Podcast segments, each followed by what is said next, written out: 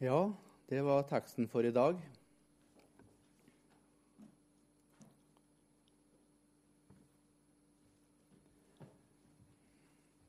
På sin ferd mot Jerusalem.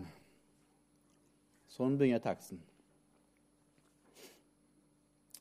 Du og du, hvor Jesus gikk. Han gikk og gikk.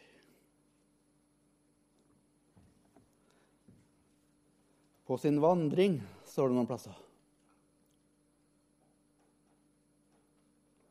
Vi har vært på utreisehelg, vi nå.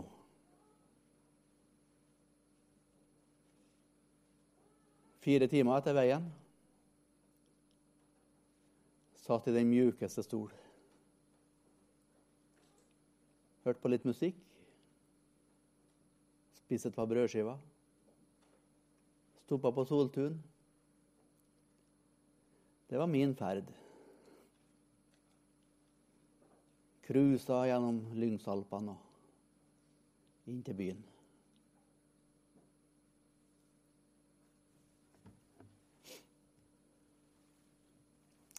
Hvor langt gikk Jesus? Vi har ikke nøyaktig nok reiserute til å vite hvor langt han gikk. Men vi vet noen plasser han var opp til. Byene ligger jo der på samme plassene i dag, så vi vet noen avstander. Hvor langt var det fra Nasaret, der han vokste opp, og til Jerusalem? Dit gikk han i alle fall som tolvåring.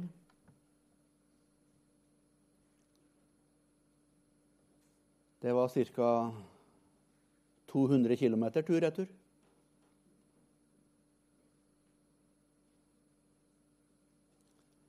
Den plassen som er navngitt i evangeliene, som ligger lengst bort fra Jerusalem, det er to små landsbyer i Sør-Libanon, Tyrus og Sidon. Dit gikk Jesus. Hvor langt er det tur-retur fra hovedstaden? Det er 500 km.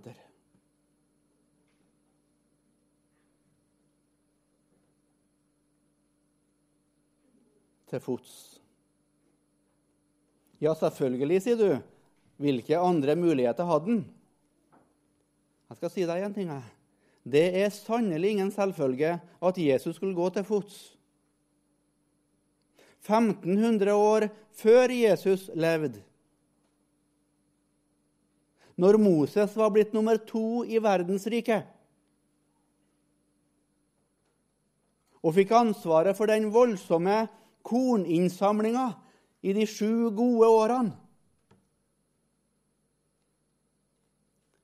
Da fikk han ei vogn av farao. Helt sikkert med muldyr eller esel eller sannsynligvis hester foran. Nummer to i riket skulle altså ikke tulle bort tida med å traske i veistøvet. 500 år før Kristus cirka, så leser vi om en syrisk general som la ut på reise til Israel for å få hjelp mot spedalskhet. Han var general, som jeg sa. Det virker som han var den øverste av generalene.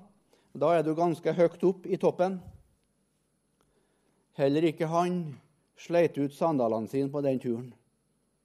Han satt behagelig oppi vogna si. Vi leser om det. I apostelgjerningene så leser vi om en som var høyt opp i det etiopiske riket. Han var egentlig finanssjef i styret til, til dronninga der. Også han hadde ei vogn.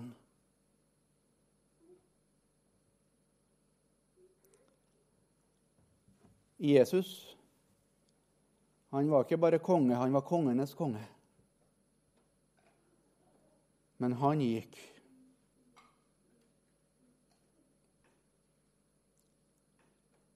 Hvorfor gjorde han det?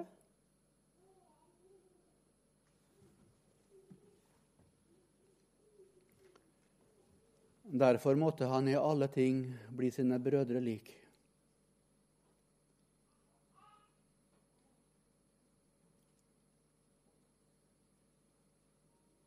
Ingen kan på dommens dag knytte nevene mot Jesus og si 'du vet ikke hva det er å være menneske'. Du vet ikke hva fornedrelse er. Du vet ikke hva det er å vokse opp i et okkupert land. Du vet ikke hva det er å ha en dødsdom hengende over seg. Du vet ikke hva tortur er. Du vet ikke hva svette er. Du vet ikke hva sult er. Jeg skal si deg det. Ingen kan komme sånn til Jesus på dommens dag. For her er det en som er prøvd i alt. Samme hvem du er, samme hva du har gjennomlevd, samme hvilken smerte du har følt. Han vet hva det vil si å være menneske. Jeg skal si deg i sannhet han vet hvor sandalreima har gnagd, ja. Han vet hva gnagsår er for noe. Og Derfor så kan han komme inderlig dem til hjelp med sine sår og gnagsår også i dag.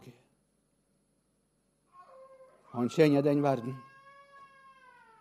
Han vet hva du snakker om. Han vet hva tårer er. Han vet hva fortvilelser er for noe. Han vet hva det vil si å stå mutters alene å være forakta, håna, misforstått, forlatt av sine nærmeste. Han vet det. På sin ferd mot Jerusalem. Det var hans ferd. Hans ferd som menneske i sandaler langs støvete stier i Midtøsten. Den ferd hadde et mål. Han visste veldig godt hva som var målet. Og det var hans mat, står det. Det var hans mat å gjøre sin fars vilje. Far ville han skulle gå til Jerusalem. Det var deres plan i fellesskap, det. Ja, Fader, ja, av hjertens grunn, står det i salmen. Meg skje som du vil skikke. La komme kun den bitre stund jeg dødens kalk vil drikke. På sin ferd mot Jerusalem.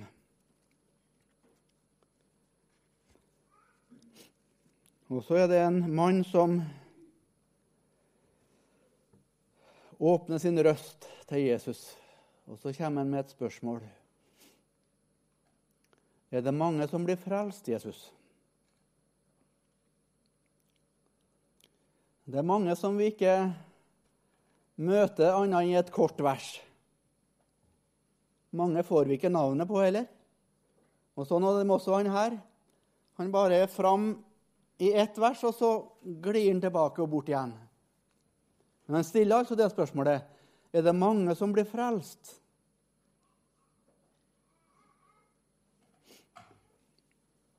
Hva svarer Jesus? Strid dere for å komme inn gjennom den trange dør. Hører du spørsmålet? Er det mange som blir frelst? Det er nesten som det Statistisk sentralbyrå som er på døra. Det er viktig med statistikk. Er det mange Jesus? Hvilket tall skal vi sette? Bibelen svarer jo på det spørsmålet. Men her vil ikke Jesus svare. For han merker at det har kun en akademisk, statistisk, teoretisk interesse for spørreren. Og så vender han det og gjør det djupt personlig. Du må passe på at du blir frelst.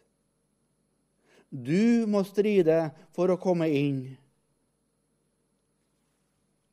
Og du og du, hvor farlig herre her er.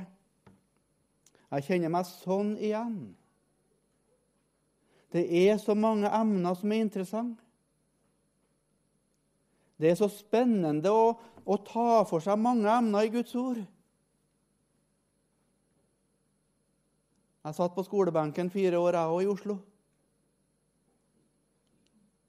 Jeg husker på én natt. Jeg brukte hele natta på å finne ut om jeg i min teologi skulle lande på den sørgalatiske eller den nordgalatiske hypotese. Jeg tror jeg landa på den sørgalatiske. Jeg fikk toppkarakter på eksamen. 1-5.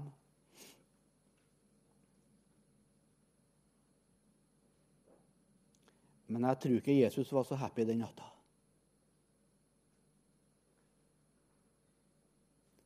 For det var bare hodet og uhyre lite hjerte.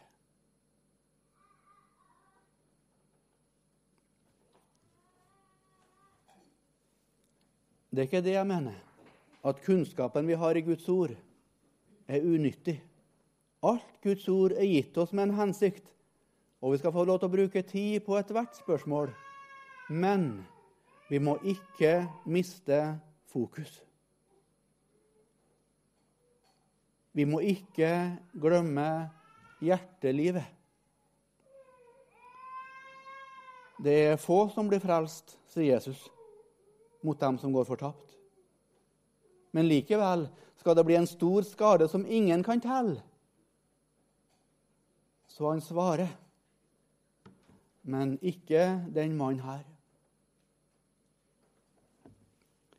I apostelgjerningene 1 så spør disiplene er det på denne tid du vil gjenreise kongeriket for Israel. De vil, vil ha vite kronologien i det som skal skje fram mot Jesu gjenkomst. Det er ikke deres sak å vite tider eller timen, timer som Faderen har fastsatt i sin egen makt. Men dere skal være vitner idet Den hellige ånd kommer over dere og dere skal få kraft, og dere skal være, være mine vitner i Jerusalem og i hele Judea og i hele Samaria og like til verdens ender. Der har du samme igjen. Du må ikke være så opptatt av detaljene og kronologien og alle de interessante spørsmålene at du glemmer, glemmer de tjeneste for Herren. Gudslivet og at evangeliet skal ut. Det står en gammel sang, et gammelt sangvers som vi sang i musikklagene for 30 år siden. Dann du meg, Herre, helt ved din ånd. For meg som lere i mesterhånd. Ta meg og dann meg slik som du ser gagner min sjel og saken din mer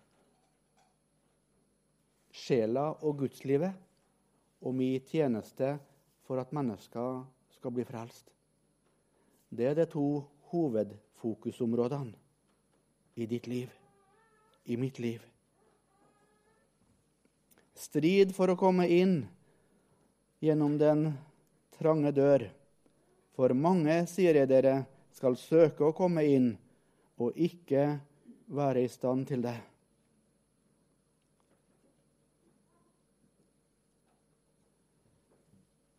Når husbonden har reist seg Et underlig uttrykk. Når husbonden har reist seg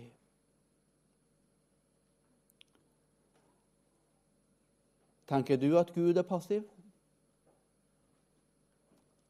Det virker som en bryr seg så lite. Det virker som en sitte i ro uten å gjøre noe.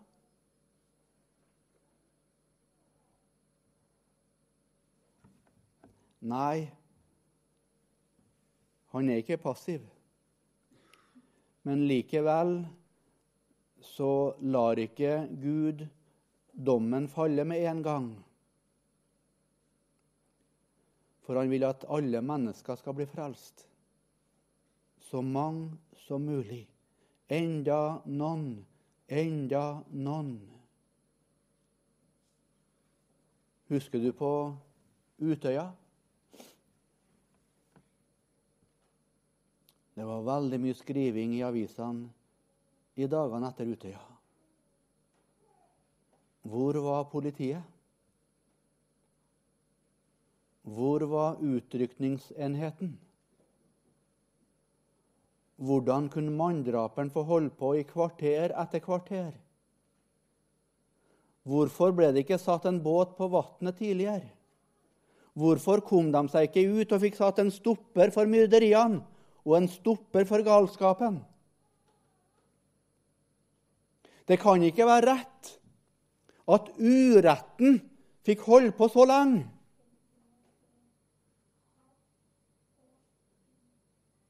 Ja, kanskje du har ropt på Gud òg? Hvor er du, Gud? Hvorfor blir det ikke satt en stopper for uretten? Hvorfor får uretten til lov til å holde på, holde på? I år etter år etter år. Hvorfor tier du, Gud? Hvor er du, Gud? Ja, Guds folk har ropt, og Guds folk roper. Men det kommer en dag det står at når husbonden reiser seg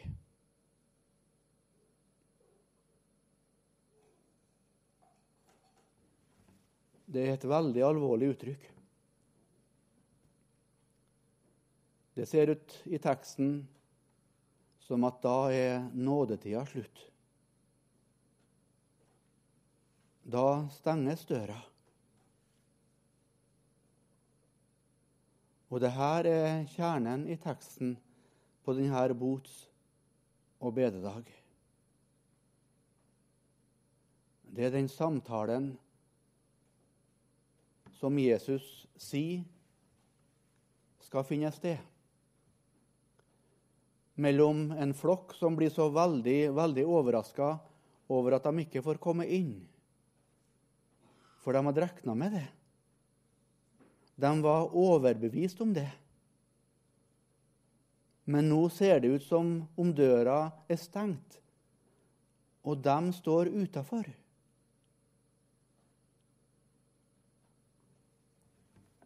Og det er ikke den eneste lignelsen hvor Jesus tar fram det her.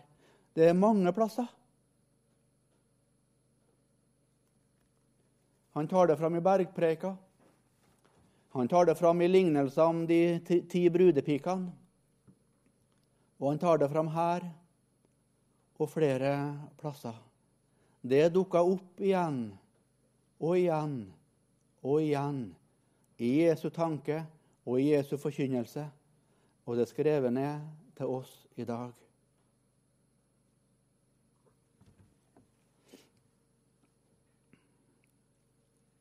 Herre, lukk opp for oss.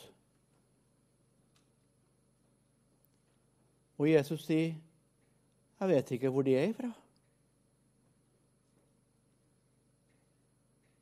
I Matteus 7 så bruker han ordene 'Jeg kjenner dere ikke'. Jeg kjenner dere ikke. Underlig. Kjenner ikke Gud alle mennesker? Han har jo skapt alle.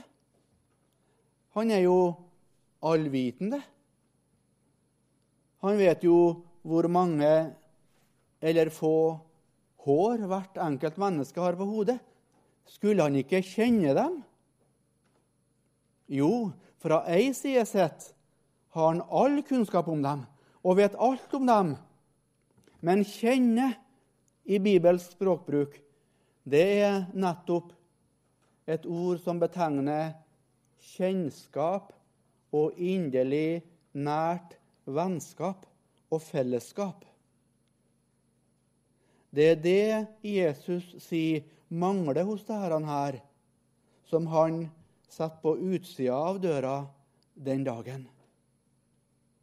Han fikk aldri lov til å komme inn til dem i det nære, inderlige fellesskap som han vil. Og så sier han, 'Jeg vet ikke hvor de er fra, og jeg vet ikke hvem de er'. Da begynner dere å si, 'Vi åt og drakk for dine øyne', og du lærte på våre gater. Her ser vi hva menneskene hadde som grunn og som basis for sin frelsesvisshet. Hørte du hva jeg sa nå? I denne type lignelser og beretninger fra Jesus så ser vi i det menneskene sier. Vi ser hva de hadde som grunnlag for sin frelsesvisshet. I lignelser om kongesønns bryllup så står det om en som var i bryllupssalen uten bryllupsklær. For det var sånn når kongen innbød til bryllup. Da tok en ingen sjanser på at det skulle være sånne fadeser. Og hadde han innbudt 200 gjester, så hadde de ved hoffet laga 200 bryllupsdrakter. Det ble sendt ut tjenere som skulle ta mål av hver enkelt gjest som skulle komme. Og så var det skreddersydd og sydd etter mål for hver enkelt. Og så hang bryllupsdrakten ferdig. Så når de kom til Slottet, så kunne de få legge av reisedrakten, få ta seg en dusj og så ble de ikledd bryllupsdrakt, og så kunne de gå inn i salen. Men her var det altså én som kongen måtte si det til. Hvordan er du kommet inn her uten bryllupsklær? Han kom altså i sine egne klær. Så ingen grunn til å måtte skifte. Han var rimelig fornøyd med det han hadde, og var ikke villig til å bli avkledd det han hadde. Satsa på at det holdt. Venn, hvordan er du kommet inn her uten bryllupsklær? I Matteus 7. De som blir stående utenfor der, de sier, 'Har vi ikke profetert i ditt navn?' 'Har vi ikke drevet ut onde ånder i ditt navn?' 'Har vi ikke gjort mange kraftige gjerninger i ditt, i ditt navn?' Ser du det? Har vi ikke? Det er jo deres egne klær, det. Har vi ikke? Ja, Men kjære meg, Jesus, du må jo slippe oss inn. Har vi ikke? Der har du det igjen. Grunnlaget for deres frelsesvisshet. Det var i deres egen kristendom. Har vi ikke? Og Du merker samme tonene her òg. Vi åt og drakk for dine øyne. Vi var jo der, Jesus. Vi hørte ditt ord. Vi tok det til oss som mat. Vi møtte opp ved Herrens bord, vi åt og drakk. Vi var jo med Jesus. Og du lærte jo på våre gater.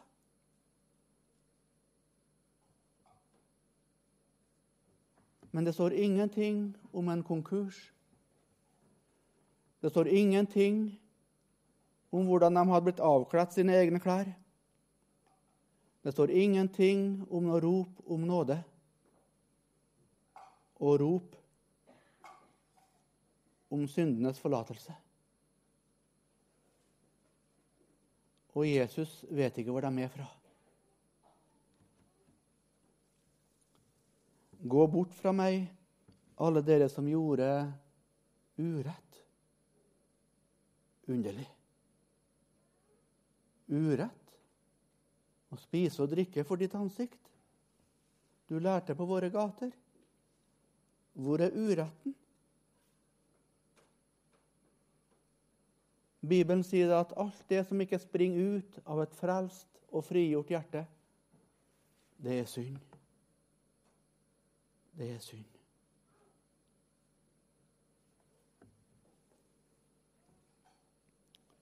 Er det en god gjerning å besøke ei gammel tante som ligger på sykeleie og på dødsleie?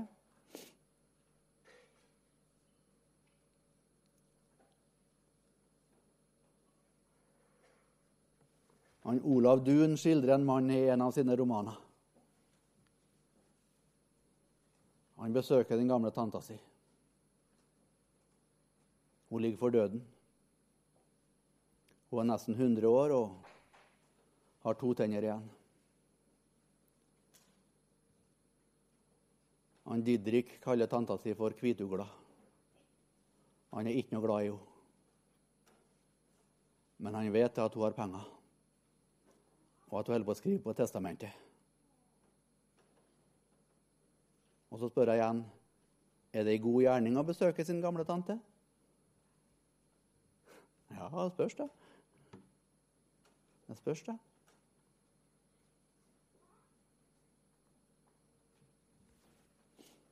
Bibelen kaller noe for lovgjerning. En lovgjerning. Det er en gjerning som springer ut av lovens virkning i hjertet. Hva er loven? Loven truer med straff. Loven frister med belønning. Tenk deg at jeg er ute med åtteåringen min etter veien hjem i Melhus i går. Og så ser jeg framme der Der kommer bygdas grand old man. Den gamle, ærverdige mannen som alle har respekt for. Og så sier jeg til sønnen min Nå hilser du pent. Og så kanskje han like vrang som far sin, og så sier han jeg vil ikke.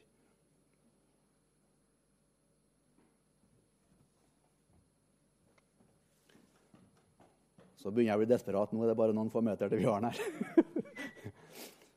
og så sier jeg til sønnen min lågt Ja, helst ikke nå, så skal du få bank. God dag, herr Andersen, sier han. Ja. Et banalt eksempel. Men det er en lovgjerning. Han hilsa ikke på Andersen fordi han var glad i ham. Ikke i respekt for den gamle mannen, men han var redd for straff. Det var loven som drev ham.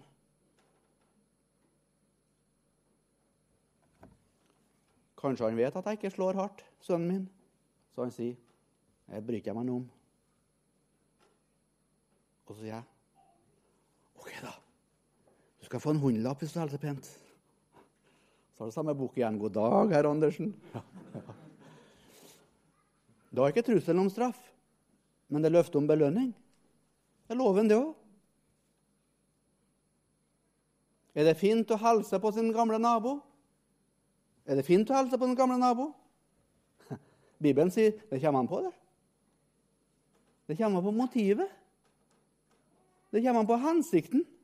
Det kommer an på hjertelaget. Det kommer an på hva som er drivkrafta. Du må ikke se på gjerningen isolert, men du må se hva var det som drev en til gjerningen? Du må se på hjertet. Sånn tenker Bibelen. Og er det trussel om straff Er det håp om belønning? Det er loven, det. Det er lovgjerning, det. Og det er urett. Sjøl om i og for seg så var det fint. Men det ble urett. For det starta galt, og det ble galt på alle vis. Gå bort fra meg, dere som gjør urett. Det er bare det som, som vokser frem av ei glad tru på Jesus Kristus og et nyfødt hjerte. Det er bare det som en god gjerning i Skriften.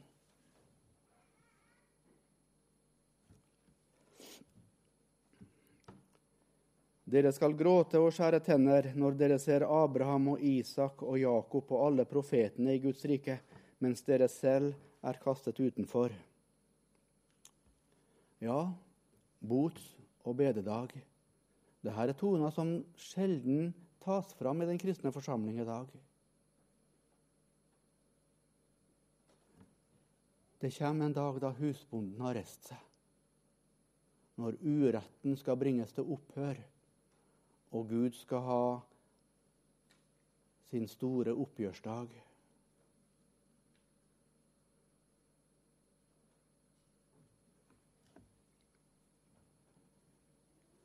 Guds rike er et underlig rike. Det er ikke av denne verden. Og Gud dømmer etter det han ser i hjertet. Det er mitt hovedbudskap til deg i dag. Vi dømmer etter det vi ser i det ytre, men Gud ser til hjertet. Er det hjertet som trenger min nåde i dag?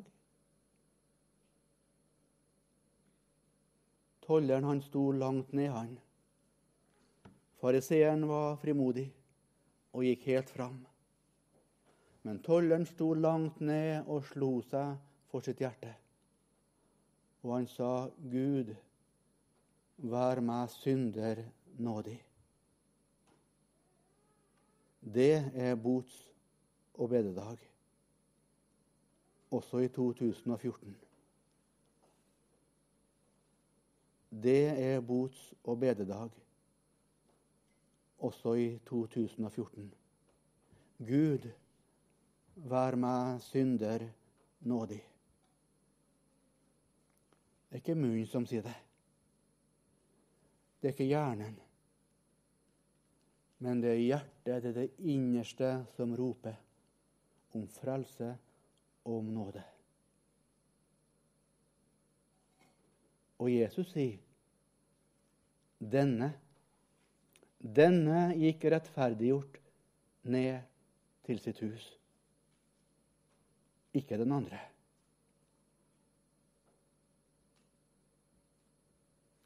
Nei, for all den ting jeg visste, kan kan jeg ei min Jesus miste. Det er troens bevis. Skal vi be.